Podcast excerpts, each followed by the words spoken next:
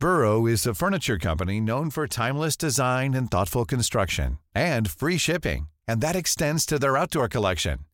Their outdoor furniture is built to withstand the elements, featuring rust-proof stainless steel hardware, weather-ready teak, and quick-dry foam cushions. For Memorial Day, get 15% off your Burrow purchase at burrow.com slash ACAST and up to 25% off outdoor. That's up to 25% off outdoor furniture at burrow.com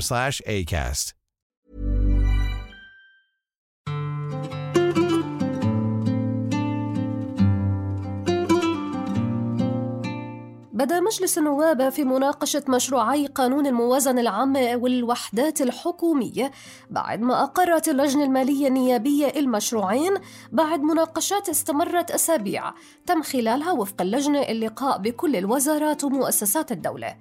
في هالحلقة من بودكاست البرلمان في موسم الرابع.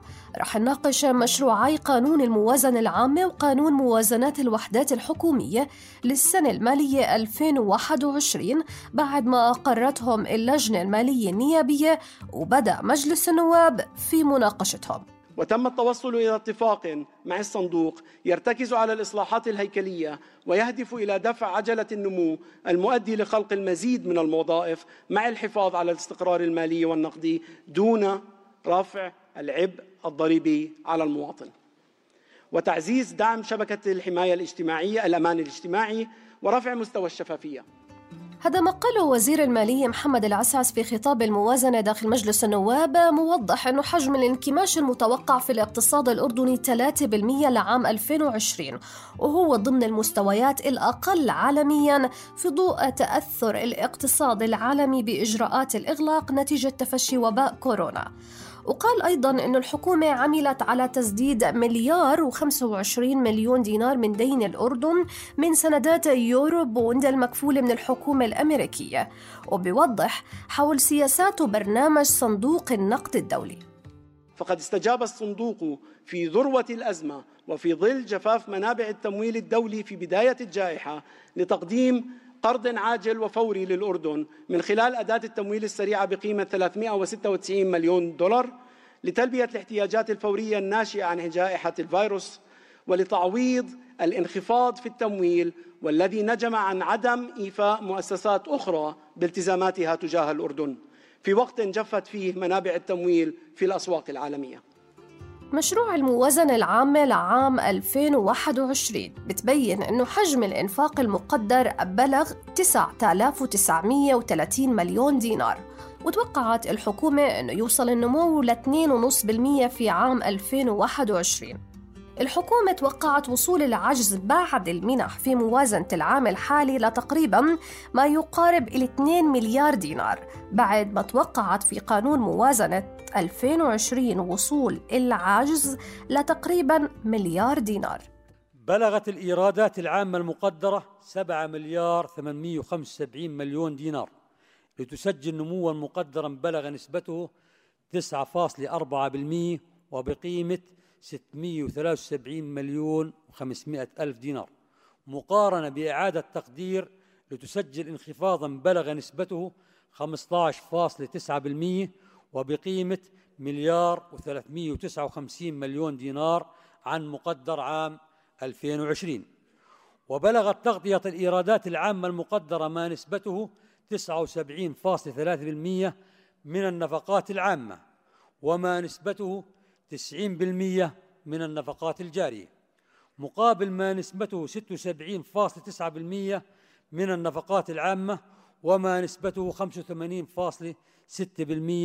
من النفقات الجارية لدى إعادة تقدير عام 2020 في 18 يناير بدأت اللجنة المالية النيابية بمناقشة مشروعي قانون الموازنة العامة وموازنة الوحدات الحكومية وخرجت بعدد من التوصيات كان منها تخفيض إجمالي الإنفاق العام في مشروعي قانون الموازنة العامة وقانون موازنة الوحدات الحكومية بما يقارب 148 مليون دينار وتخفيض إجمالي النفقات في مشروع قانون موازنة الوحدات الحكومية بقيمة 62 مليون دينار. خلونا نسمع مقرر اللجنة المالية ضرار الحراسيس. تسريع إنجاز منظومة متكاملة للتأمين الصحي الشامل العادل والمستدام ووضع برنامج زمني محدد للبدء بتطبيق التأمين الصحي الشامل لكافة المواطنين دون أن يترتب على ذلك أعباء مالية تثقل كاهل المواطنين. اثنين دعم موازنات كل من وزارة الصحة ووزارة التربية والتعليم ووزارة العمل وإعطائها الأولوية وذلك بهدف رفع كفاءة القطاع الصحي وضمان استمرارية تقديم خدمات صحية ذات جودة عالية للمواطنين وتطوير منظومة التعليم ومعالجة التحديات التي تواجه نظام التعليم في الأردن وتمكين وزارة العمل من تنفيذ برامجها وخططها للحد من البطالة وإيجاد فرص عمل جديدة. بدأ مجلس النواب بداية الأسبوع الجاري بمناقشة مشروعي قانون الموازنة العامة والوحدات الحكومية واللي حملت انتقادات لعدد من البنود. وبدأت هاي المناقشات مع كلمة للنائب عبد السلام ديابات. فهل هناك من خطط أكتوارية باتجاه المستقبل طويل المدى غير رفع الأسعار والضرائب وتقليل النفقات؟ يلا يلا نناقش الموازنة. أين المصداقية والجدية بخطط الحكومة للبحث عن استثمار الموارد الطبيعية؟ سواء بترول أو غاز أو معادن. ليش ما ندر ما ندرس ما ندرس أولادنا بكتاب الجغرافيا بأنه بالأردن من أغنى دول العالم باليورانيوم والنحاس وغيرها الكثير من المعادن. اشطبوها يا معالي وزير التربية ومعالي وزير التعليم العالي من المناهج. الجيل واعي وراح يكبر ويحاسب. راح نحكي لهم بأن من جهة الثانية من البحر الميت عشرات الشركات الصهيونية لاستثمار مقدرات ومعادن البحر الميت واستخراج أكثر من خمسين عنصر من هناك. أما النائب خير أبو صعليك واللي تلا كلمة باسم كتلة العدالة النيابية فاقترح خطة تهدف للسيطرة على نسبة البطالة وتقليلها وزيادة نمو الناتج المحلي وخفض عجز الموازنة. العمل سياسيا مع شركاء وأصدقاء الأردن الاقتصاديين على مفهوم جديد للتعاون الدولي وفق ما ذكره جلالة الملك حفظه الله في صحيفة الواشنطن بوست والتي تستند إلى إعادة تشكيل العولمة وفق أسس عادلة تحقق المصالح المصالح الوطنية للدولة الأردنية. وهذا يتطلب قيام الدبلوماسية الأردنية ببذل الجهود لصياغة عقد جديد للتنمية بين الدول العربية يعزز التبادل السلعي والتكامل في سلسلة تزويد الغذاء.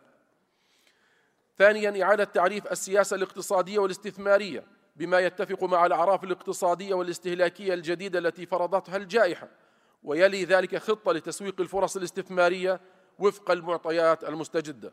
توجهنا لإجراء عدد من المقابلات مع بعض المختصين والمحللين الاقتصاديين فتواصلنا مع المحلل والكاتب الاقتصادي محمد البشير اللي بيوضح بأنه مجلس النواب أمام موقف لا يحسد عليه بما يتعلق بمشروعي قانون الموازنة العامة والوحدات الحكومية. باعتبارها آه، تشمل بنود جامدة آه، من الصعوبة بمكان أنه آه، يستطيع أن يخفض آه، من بنودها شيئا. فحتى هذا الرقم 148 هو رقم مجاملة لأن 65% من الموازنة رواتب.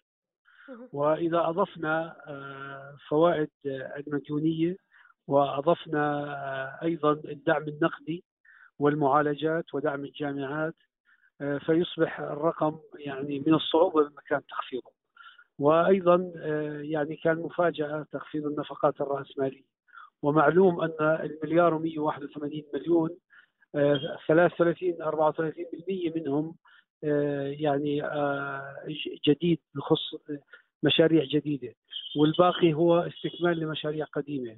وبالتالي هذا التخفيض بضر بالاستثمار وبضر لأنه إحنا نطالب برفع هذه الحصة لتصل إلى 20 ل 25% من النفقات العامة. بيعلق البشير على الموازنة بقوله أنه أبشع السياسات المالية هي العبث بالضرائب.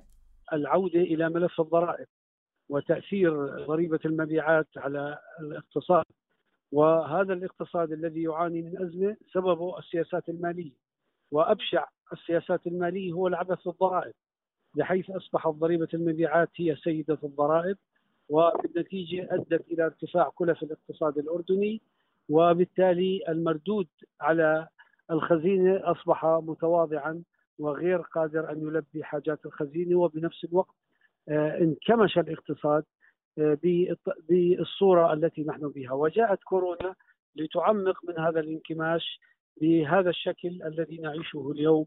والفرصة المواتية لمجلس النواب للحكومة آه، لصاحب القرار بالبلد أن نعالج مسألة آه، الدور السياسي لقوى المجتمع المختلفة وعلى رأسها الأحزاب. تواصلنا أيضا مع الكاتب والمحلل الاقتصادي فهمي الكتوت واللي بيعلق على قرار اللجنة المالية بأنه كان ضعيف جدا وما تناول القضايا الجوهرية. وبيشوف أنه وظيفة اللجنة المالية ومجلس النواب بشكل عام هو وضع رؤية نقدية للموازنة بما يتعلق في جوانب الإنفاق أو الإيرادات على أسس موضوعية. لكن ما فعلته اللجنة المالية ذهبت إلى اقتراح تخفيض النفقات الرأسمالية. عندما يعني يجري الحديث عن عن تخفيض الإنفاق العام يفترض أن يتجه التخفيض على النفقات الجارية. بدلا من النفقات الرأسمالية. من جهة من جهة أخرى خاصة أن الظرف الاستثنائي التي تمر فيه البلاد خلال العام الماضي وما زال آه هو كان في حالة الاقتصاد الأردني كان في حالة انكماش وبالتالي يفترض أن يكون في هناك ضخ مالي باتجاه النفقات الرأسمالية. وهنا التفتيش على أي نفقات رأسمالية يفترض أن تكون باتجاه التنمية الاقتصادية من أجل إخراج الاقتصاد الأردني من حالة الانكماش والدخول في مرحلة النمو الحقيقي.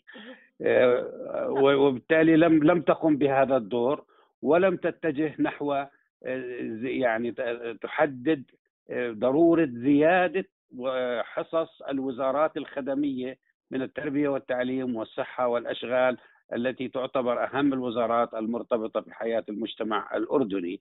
لم تتجه بهذا الاتجاه ومن الغريب يعني أنها تتحدث عن زيادة في نفقات الجهاز العسكري علما أن الجهاز العسكري ينفق حوالي ثلث النفقات الجارية في البلاد ولا لا أعتقد أننا بحاجة إلى مزيد من الإنفاق في هذا الاتجاه. وبيعلق الكتوت على مشروع قانون الموازنة خاصة إنه زيادة الإيرادات في الموازنة غير واقعية حسب رأيه. وأن زيادة زيادة زيادة الإيرادات المطروحة في الموازنة والتي تقدر بحوالي 950 مليون دينار هذه أرقام غير واقعية. لن تستطيع الحكومة أو الدولة الأردنية أن تحقق مثل هذه الزيادة خلال العام آه، الحالي. والسبب في ذلك أن ما زالت يعني الدولة تعاني من الجائحة من جهة ومن جهة أخرى هذا الرقم يترجم أو ناجم عن تصور لدى الحكومة بأن هناك الاقتصاد الأردني سيحقق نمو اقتصادي آه، نحو 2.5% خلال العام 2021 طيب إذا كان العام الماضي 2020 كان يعاني من انكماش. وعام ما قبل 2020 ما قبل الجائحة لم يصل إلى 2.5% كان أحسن مستوياته حوالي 2% فكيف له أن يقفز من حالة انكماش إلى حالة نمو 2.5% وبالتالي الرقم اللي يتحدث عن زيادة في الإيرادات نحو 945 مليون دينار هو رقم غير واقعي. زيادة الإيرادات الضريبية تقريبا حوالي 452 مليون دينار يعني مزيد من الانكماش الاقتصادي وفق الكتوت. 452 مليون دينار زيادة في الإيرادات الضريبية. هذه الزيادة آه، هي ستؤثر على الوضع الاجتماعي لأن معظم هذه الضرائب هي ضرائب هي ضرائب انكما غير مباشرة وهي ضرائب انكماشية تؤثر على القدرة الشرائية للمواطنين. آه، هذا هذا جانب، الجانب الآخر أننا نتحدث عن زيادة في الإيرادات الضريبية 452 مليون دينار عن عام 2020 عام 2020 تحققت ايراداته الضريبية نتيجة الوضع الاقتصادي لعام 19 والسؤال اللي بيطرح كيف ممكن نشرح تأثير هالموازنة على المواطنين؟ خلونا نسمع رأي الكتوت ومن جانب آخر أن عام 2020 حقق إيرادات ضريبية استثنائية ناجمة عن ما عرف في المصالحات أو التسويات التي تمت مع الشركات قيمتها حوالي 750 مليون دينار. وبالتالي يعني علينا أن نقفز بأرقام فلكية حتى نصل إلى هذا. هذا سيرهق الاقتصاد سيرهق المواطنين بشكل كبير جدا ولن تسهم يعني هذه الزيادة في الإيرادات الضريبية في إخراج الاقتصاد الأردني من حالة الانكماش. آه هذا هذا جانب مهم جدا، إضافة إلى ذلك أن أن النفقات يعني لا تذهب بالاتجاه التنموي كما سبق وأشرنا وبالتالي هذا سيؤدي إلى مزيد من أو على الأقل تراوح البطالة ضمن مستوياتها التي وصلت إلى حوالي 25% وهي يعني نسبة مرتفعة جدا وسيكون آثارها صعب على المجتمع الأردني، هناك قطاعات عديدة تعطلت وهناك قطاعات عديدة ليس فقط تعطلت نتيجة الجائحة بل أن الجائحة أدت إلى إفلاس عدد من القطاعات الاقتصادية أو الصناعات أو الاستثمارات المحلية وبالتالي هذه ستعاني خلال عام 2021 وفي الأعوام القادمة من حالة الإفلاس أو أفلست وأغلقت أبوابها. أيضا سألنا البشير ليش الموازنة مناقشتها مهمة للمواطنين واللي بيوضحوا بأنه الإنعاش الاقتصادي بيبدأ بتغيير السياسات المالية وتغيير السياسات المالية وبالأخص السياسات الضريبية والسياسات النقدية بتبدأ من مجلس النواب من التشريع. تشريع ضريبة المبيعات الذي أتى على كلفة المنتج مدخل المواد المواد الأولية رقم اثنين الطاقة الضريبة على الطاقة ووزيرة الطاقة امبارح حكت عن أعباء ضريبة المبيعات على الطاقة ورقم ثلاث السياسة النقديه وكلفة الفوائد آه، ورقم أربعة الضمان الاجتماعي. كلها تشريعات. من هو وضع هذه التشريعات؟ هو مجلس النواب. كيف انعكست كل هذه التشريعات آه، على الاقتصاد؟ انعكست من خلال التطبيق لهذه القوانين وبالنتيجة أصبحت الضرائب والرسوم وأيضا ما هو موضوع الضمان الاجتماعي بهذه الأرقام الفلكية التي أرهقت الشركات وأرهقت المؤسسات وأرهقت المواطنين. بهذا المعنى أهمية قراءة يعني قانون الموازنة مع مسؤولية مجلس النواب في التعامل مع هذه الأحداث. ولمعرفة آراء المواطنين في مناقشة مجلس النواب لمشروع قانون الموازنة العامة والوحدات الحكومية قمنا بإجراء استفتاء حول ذلك وكان جوابهم.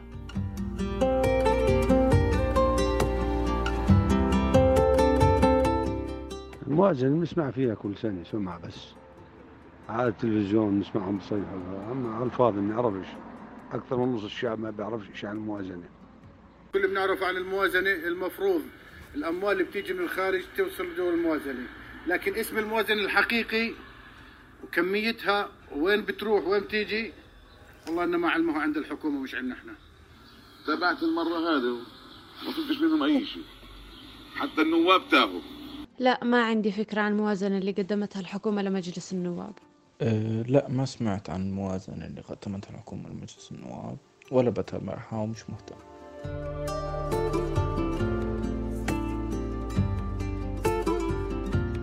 لكن السؤال اقتصاديا شو المطلوب للخروج من الوضع الاقتصادي الحالي؟ خلونا نسمع الكتوت شو بيقترح. المطلوب إعادة توجيه الإنفاق. الإنفاق يذهب قسم منه في غير مكانه وبالتالي لا افترض إعادة توجيه الإنفاق من جهة ومن جهة أخرى الجميع يتحدث عن نفقات غير مبررة فيما يتعلق بالرواتب المرتفعة جدا جدا آه، في قطاعات معينة وخاصة في المؤسسات في في الهيئات المستقلة هذا يفترض إعادة النظر فيه، يفترض أخذ موقف جريء بهذه المرحلة التي تمر فيها البلاد لصالح الناس الذين يعانون من الفقر والتشرد والمعاناة ولصالح الاقتصاد الأردني الذي يعيش في أزمة خطيرة. في نهاية هالحلقة من بودكاست البرلمان وبحسب الدستور الأردني يقدم مشروع قانون الموازنة العامة ومشروع قانون موازنات الوحدات الحكومية إلى مجلس الأمة قبل ابتداء السنة المالية بشهر واحد على الأقل للنظر فيهم. ولا يجوز نقل أي مبلغ في قسم النفقات من الموازنة العامة من فصل إلى آخر إلا بقانون. هاي تحيات فريق بودكاست البرلمان من إنتاج صوت. حسان مهرة من الإخراج الصوتي. من التحرير صابرين طه. بيان عروري من البحث. كنت معكم هبة عبيدات من الإعداد والتقديم.